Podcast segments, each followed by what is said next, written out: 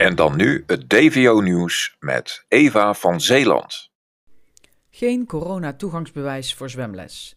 De voorzieningenrechter van de rechtbank Midden-Nederland heeft op 28 december 2021 beslist dat de burgemeester van Hilversum niet mag eisen dat ouders die hun kind naar de zwemles brengen in het zwembad Het Gooise Bad gecontroleerd worden op het corona-toegangsbewijs.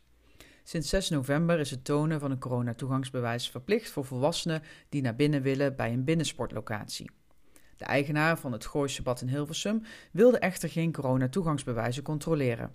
Het zwembad heeft de voorzieningenrechter gevraagd het coronatoegangsbewijs op te schorten bij het halen, brengen en omkleden van jonge kinderen.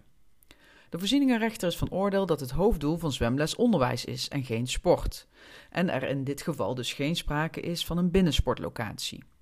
De burgemeester moet binnenkort een beslissing nemen op het bezwaar van het zwembad. Tot die tijd hoeft het zwembad in ieder geval geen coronatoegangsbewijs te controleren.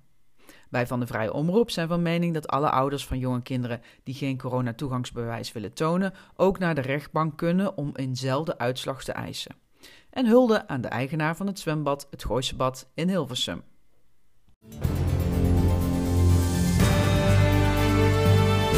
Dit was onafhankelijk ongecensureerd nieuws van de Vrije Omroep.nl.